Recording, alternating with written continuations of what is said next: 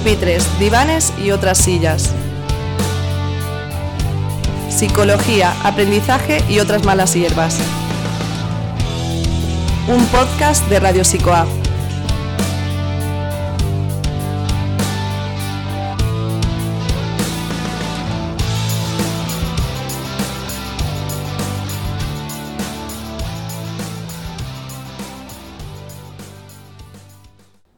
Hola, buenos días. Somos el grupo A4 del Seminario de Recursos Tecnológicos Didácticos y de Investigación del primer curso de grado en Educación Primaria, compuesto por Yadira Castañeda, Raúl Espósito y Paloma Rodríguez.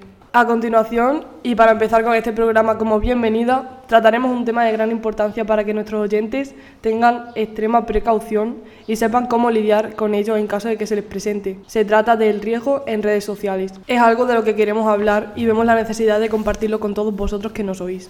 Aprovechamos esta oportunidad de que esta información pueda llegar a una gran cantidad de gente y se pueda prevenir esta serie de riesgos que citaremos en unos breves minutos.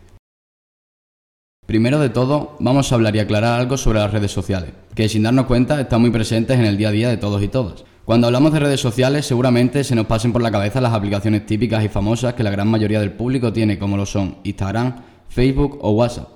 Lo cierto es que se considera red social a toda plataforma en la que se produce un intercambio diverso de mensajes, fotos, vídeos y todo material multimedia, creando así una comunidad entre las que tengan dicha aplicación. Las redes sociales son útiles, eso es algo indudable ya que nos pueden facilitar la información. Dan entretenimiento a la mayoría de personas, indistintamente de su edad, te pueden ayudar a encontrar trabajo y tener un contacto con personas profesionales en dicho trabajo, e incluso se utilizan en el día a día para contactar con tus familiares y personas cercanas. Está claro que son importantes las redes, pero hay que ver también la otra cara de la moneda, y eso es principalmente lo que vamos a tratar en este podcast a continuación. Para tus oídos, Radio Psicoap. Como hemos comentado antes, el tema que vamos a tratar es el de las redes sociales, en especial el riesgo que tienen para los más jóvenes.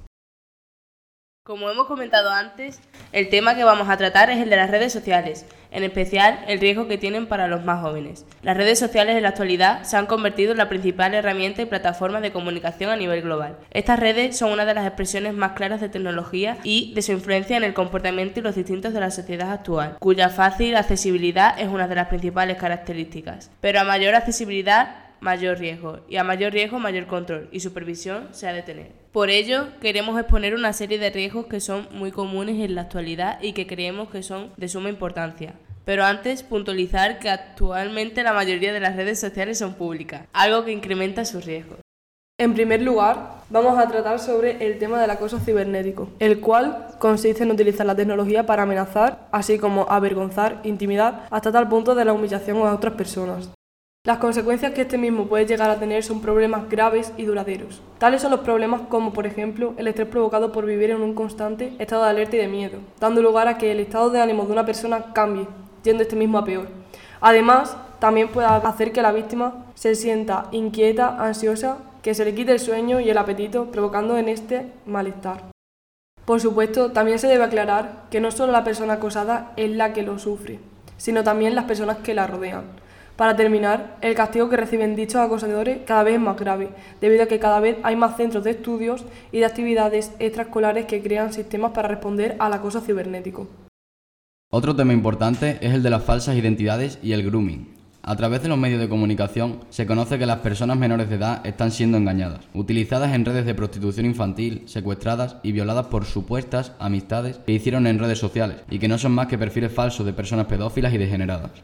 Es por eso que los padres deben tener un control sobre las redes sociales de sus hijos, pues nunca saben con quién pueden estar hablando ni quién hay detrás de la pantalla. Por último, tratar más que un riesgo una consecuencia de los mismos, y es el suicidio, debido al aumento del ciberbullying, acoso cibernético y violencia. Pero no solo es culpa de este aumento, sino también del poco control y la falta de regulación en el contenido de los mismos. Es muy importante la supervisión de todas las redes sociales, ya que pueden ser muy buenas para los jóvenes y a su vez fatales. El peor enemigo de las redes sociales son las redes sociales. Súbete a la nube de PsicoApp. Te esperamos con más contenidos en los próximos programas. En forma de conclusión, las redes sociales a día de hoy se han convertido en algo esencial en la vida de muchas personas, ya que, por ejemplo, facilitan mucho la comunicación entre personas. Pero no es solo todo lo que reluce, es decir, hay que tener mucho cuidado con todo lo que se hace, dice y con quién hablas. Ya que se puede sufrir acoso cibernético que puede llevar a una consecuencia irreparable como es el suicidio. Además, hay personas con falsas identidades y grooming donde en los peores casos puede producirse prostitución infantil, chantaje o incluso secuestros o violaciones. En definitiva, hay que tener mucho control y cuidado con el tema de las redes sociales. Bueno, y con todo esto nos despedimos. Esperamos que os haya servido esta charla sobre las redes sociales. Con esto queremos deciros que las redes sociales de Internet son peligrosas y que siempre hay que tener mucho cuidado. Se debe cuidar el respeto y educación hacia todas las personas. Deciros que hemos pasado un buen ratito juntos con este tipo de discusiones que tienen que llegar a mucha gente y sobre todo si es para mejorar cosas que en la actualidad hay que cambiar, aunque todavía quede mucho. Por eso, si todos ponemos de nuestra parte, lo conseguiremos. Seguiremos informando sobre temas como este tipo en los siguientes podcasts.